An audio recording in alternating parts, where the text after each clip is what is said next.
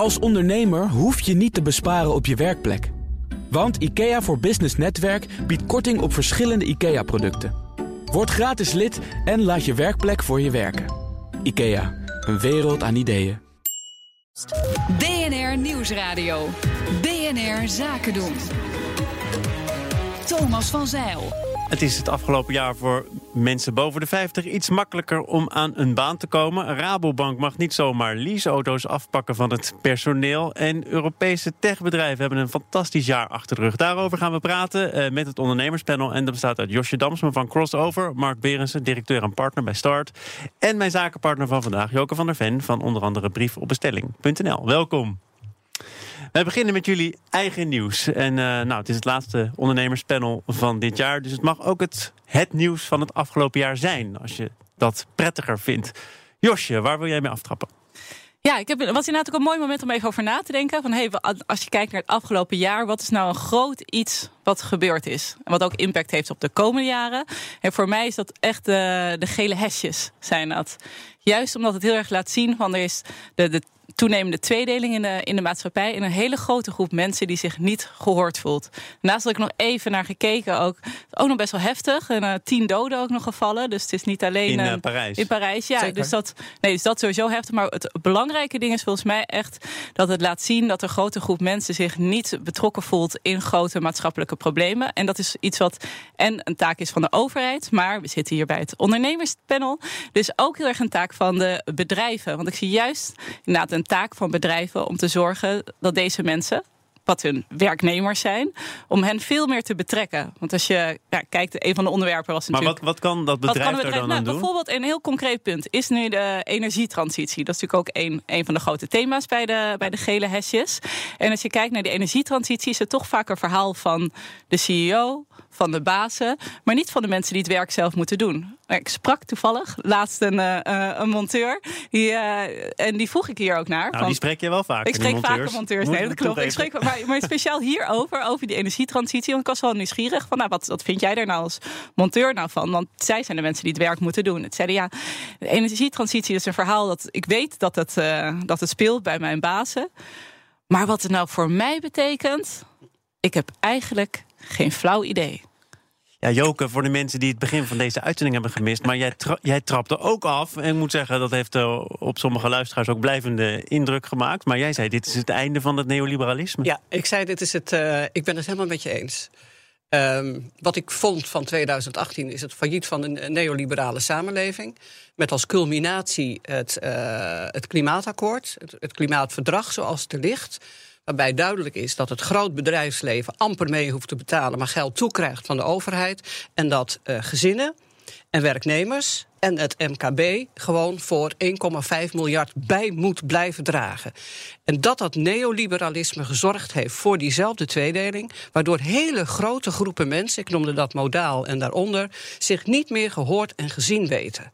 Ja, en ik dat is het probleem. Ja, want ik denk dat op zich, als je kijkt naar het grote verhaal van uh, klimaatakkoord en ja. energietransitie, is helemaal niet een, iets wat ook Jan Modaal of de, de monteur niet wil. Dat is ook iets heus wel waar ze Zeker. ook denken. Ze vinden het ook belangrijk uh, voor de toekomst van hun kinderen. Dat de, uh, dat de aarde gezond is. Dus dat is helemaal alleen het, het hele ding is dat ze, het wordt ze nooit gevraagd naar hun mening of wat dan ook. Uh, stel dat je die mensen vraagt en je kunt vervolgens niet echt ingaan op hun wens. Dat is natuurlijk wat er vaak gebeurt. Hè. We leggen het voor aan de bevolking. De bevolking zegt A, maar nee, we maar dat, willen maar eigenlijk ik geloof ook dat, nee, maar dat is ook, je moet het ook niet gewoon in een soort referendum-style uh, uh, dit soort dingen gaan oplossen. Je moet juist gewoon, gewoon de, de als je bijvoorbeeld kijkt naar de vraag van hey, hoe gaan we dat doen, die energietransitie? waarom is het eigenlijk belangrijk? Nou, dat soort grote vragen, die moet je met de mensen die het werk moeten doen, met de monteurs bespreken. En dan inderdaad niet zo van bespreken en dan voor de rest uh, leuk dat jullie meegepraat hebben, hier heb je een sticker klaar. Nee, je moet dan inderdaad zorgen dat hun mening ook terechtkomt bij de CEO. En de CEO er zijn nu namelijk al mensen bijvoorbeeld die, die dat klimaatakkoord zeggen, ja, er is door zoveel mensen, misschien niet de mensen die er ook te doen. Maar er is door zoveel mensen over gesproken en gepraat aan verschillende tafels. Dat kon eigenlijk niet iets anders worden dan een waterig compromis waarin geen duidelijke keuze is nou ja, wat, ja, wat, vooral zo is, is dat de mensen die dat, de, die dat akkoord tekenen, dat zijn niet de mensen die uiteindelijk moeten zorgen voor die warmtepompen, voor die zonnepanelen. En draagvlak. En draagvlak überhaupt. Dus ik denk, ja, dat, het is toch een veel te beperkte groep die daar aan tafel zit. Er zijn latente onlustgevoelens in de samenleving. Uh, ik, dat, ik, maak het even kort. En uh, daar moet een stem aangegeven worden. Dat weten ze, ze kunnen dat zelf nog niet goed verwoorden. Dus je moet met ze in gesprek gaan om te zorgen dat ze zelf die woorden kunnen vinden. Ja. En dan kunnen we verder. En ik denk dat dat ook echt een taak van de bedrijven. En niet alleen van de overheid. Mark, welke woorden wil jij toevoegen aan dit ah, panel? Wil je nog iets toevoegen aan deze discussie of ja, kies je voor een ander spoor? toevoegen, omdat het meer zeg maar, uh, economisch te trekken. Ik bedoel, we hadden een paar jaar uh, nou, een soort van onbezorgde groei. En de beurzen die lieten dat ook zien. En het consumentenvertrouwen liet dat zien na de crisis. Of een beetje vanaf 2013. En dit jaar was echt een vrij radicale verandering. En dat zien we dan nu heel duidelijk ook in, in cijfers alweer terug. Mhm. Van uh, in een toetredende onzekerheid. Dus dat is het grote, uh, de grote verandering. En die gaat alleen maar toenemen. Inderdaad, het lijstje is enorm. Hè. De, de brexit komt eraan. We weten nog niet precies hoe. De America First politiek van de Verenigde Staten beginnen we te merken. Staaltarieven, de handelsoorlog met China. De energiediscussie hebben we het over gehad. Populisten in Italië, die daar natuurlijk zitten omdat Europa zich het liefst heel erg afzijdig hield van die immigratiediscussie. Uh, of het in ieder geval niet heeft opgelost. Gele hesjes in Frankrijk zijn er een voorbeeld van. Geen ontwapening in Noord-Korea. Het is er toch echt niet gekomen. Um, en dichterbij de disconnect van het grootbedrijf met de maatschappij. Uh, door, nou, het mooiste voorbeeld is natuurlijk ING. Met een salarisverhoging, terwijl er een onderhanden zijnde boete speelde over het eh, non-compliance op een heel belangrijk thema, namelijk uh, controle op het witwassen van geld. En, en de godspe rond dividendbelastingafschaffing. Uh, nou, dat opgeteld. Je hebt een mooi lijstje, Mark. Ja, nou ja, ik heb het maar even opgeschreven. en, en, en ik, kan, ik, ik, denk dat je het nog wel dubbel zo lang kan maken. Ja. Nou, ik heb het aan meer mensen de, gevraagd. De, de, Russische uh, geheime dienst, die schaamteloos in Europa huishoudt. Ja. Dus het, het geeft Digitaal. mensen, maar ook bedrijven. En ik denk wat meer het, het kleinbedrijf dan, of het middelgroot bedrijf, MKB, dan het grootbedrijf.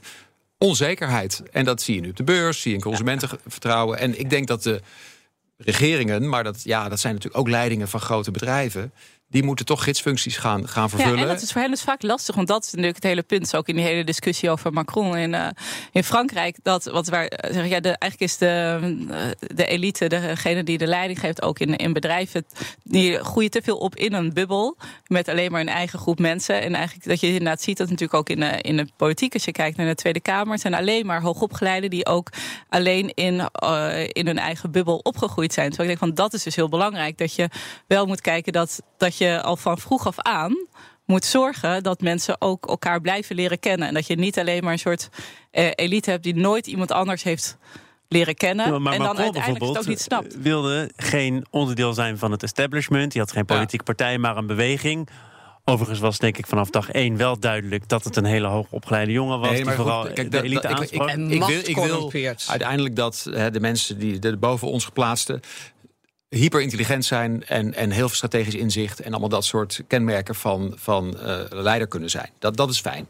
Je wil, je wil geen schreeuwende, uh, laag opgeleide mensen die, die leiding geven aan bedrijven. Niet per se nog dat. Uh, dat schreeuwend en laag opgeleid maar, maar je, Nee, dat, dat zeg ik niet. Maar wat, ik, wat, wat je wel wil, en dat, en dat is ook wat je bij Macron zag. Op het moment dat hij gekozen was, ging hij zich meteen als een zonnekoning gedragen. En ging hij eigenlijk alle banden uh, snijden tussen, tussen zeg maar de, de, de voeling met de maatschappij en, en de Ivoren Toren. Hij, heeft een een of ander eh, bijeenkomst gehouden in Versailles, wat nog nooit vertoond was. En, en, en dat zie je inderdaad op het Binnenhof, denk ik ook. Lui die, die alleen maar een soort raspolitici die in hun partij altijd ontzettend gevierde uh, persoon waren, maar niet meer de kritische noot plaatsen over.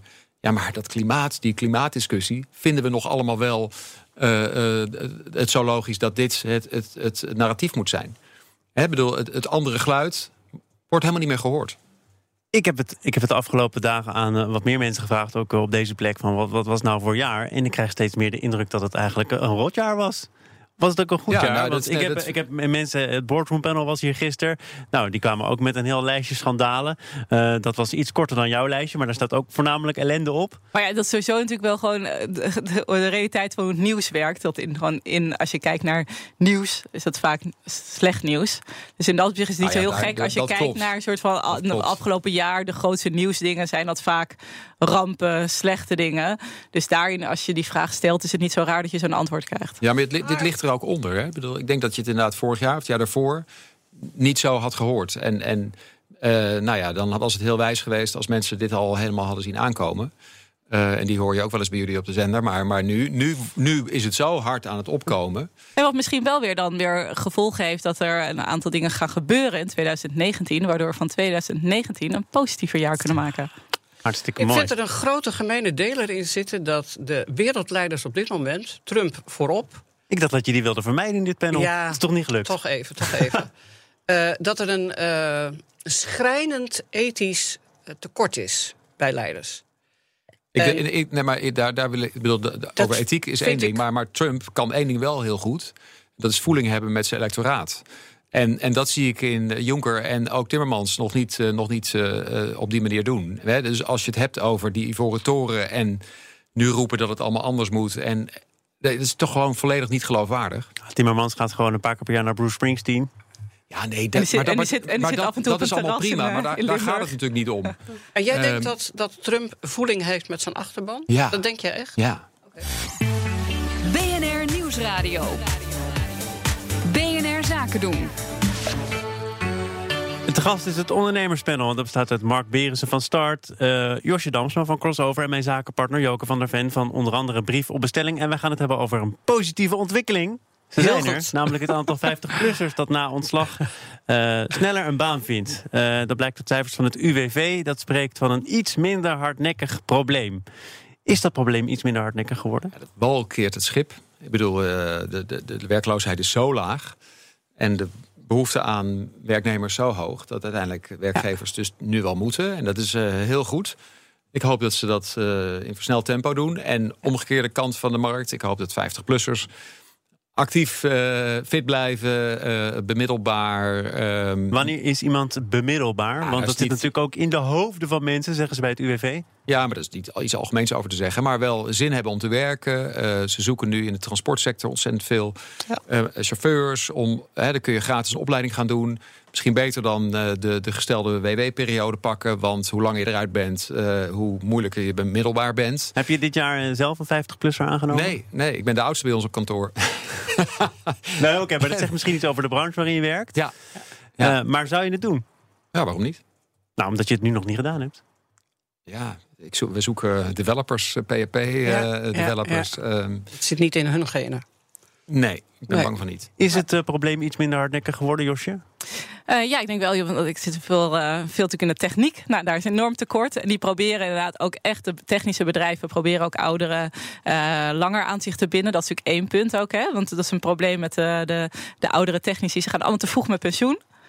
En ze gaan vaak om eh, al begin 60 eh, gaan ze er al uit. Terwijl ze moeten doorwerken tot een 67ste. En zeker nu met het tekort aan technisch personeel moet je eigenlijk kijken hoe kun je die mensen ook gewoon wat langer aan het werk houden. En vaak vinden ze hun werk namelijk superleuk.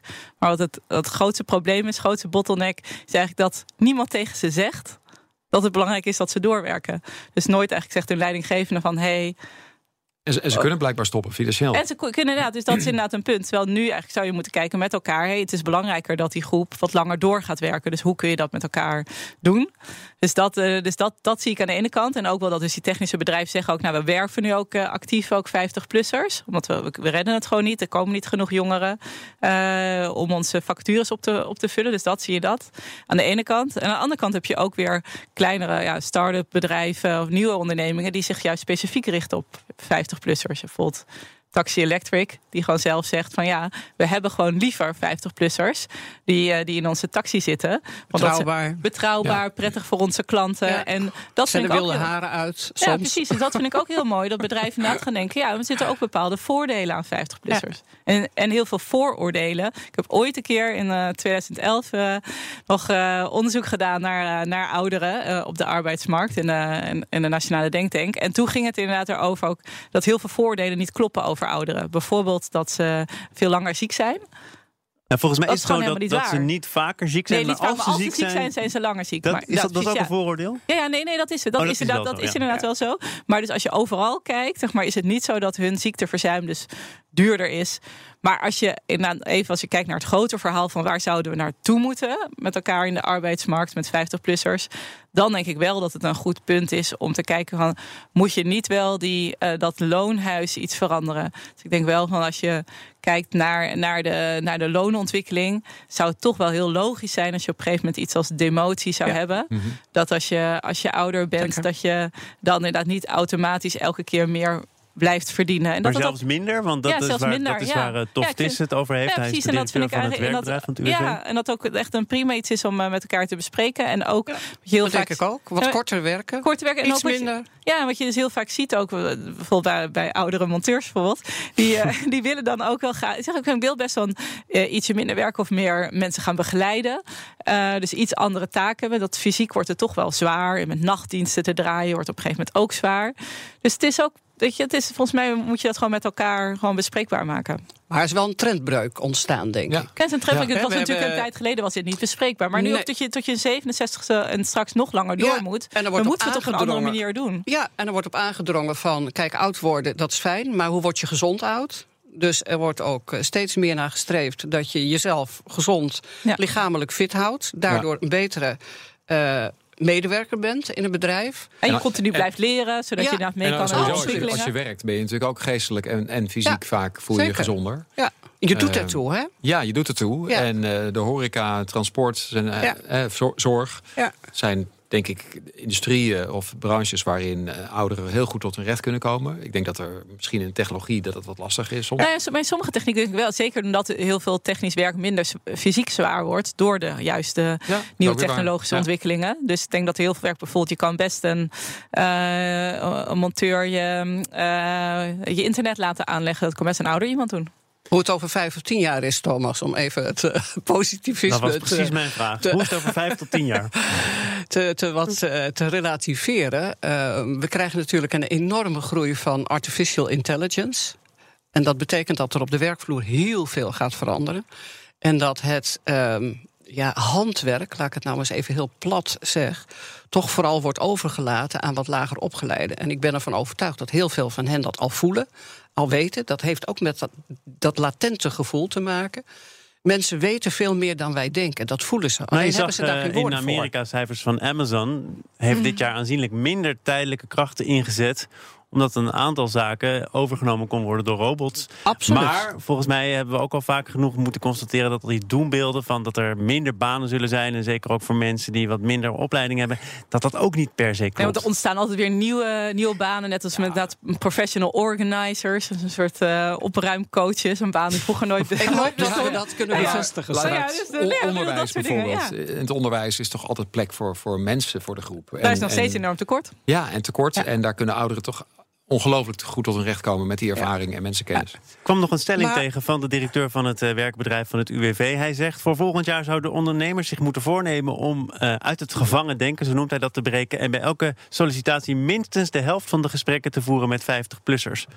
Of niet-Nederlanders. Of niet-Nederlanders. Absoluut. Want ook die hebben nog een, eh, een weg te vinden en een weg te gaan. En ik vind dat er in het Nederlands bedrijfsleven. En ik heb daar best wel eh, met regelmaat mee te maken. dat ze nog steeds gediscrimineerd worden. Maar ja, is zoiets, eh, dat kun je natuurlijk niet heel erg vastleggen. Hij deinst ook terug voor banenafspraken en quota. Ja. Maar is dit wel een voornemen dat je in de praktijk zou kunnen brengen? Ja, je kan het altijd doen, maar zou het ook gebeuren?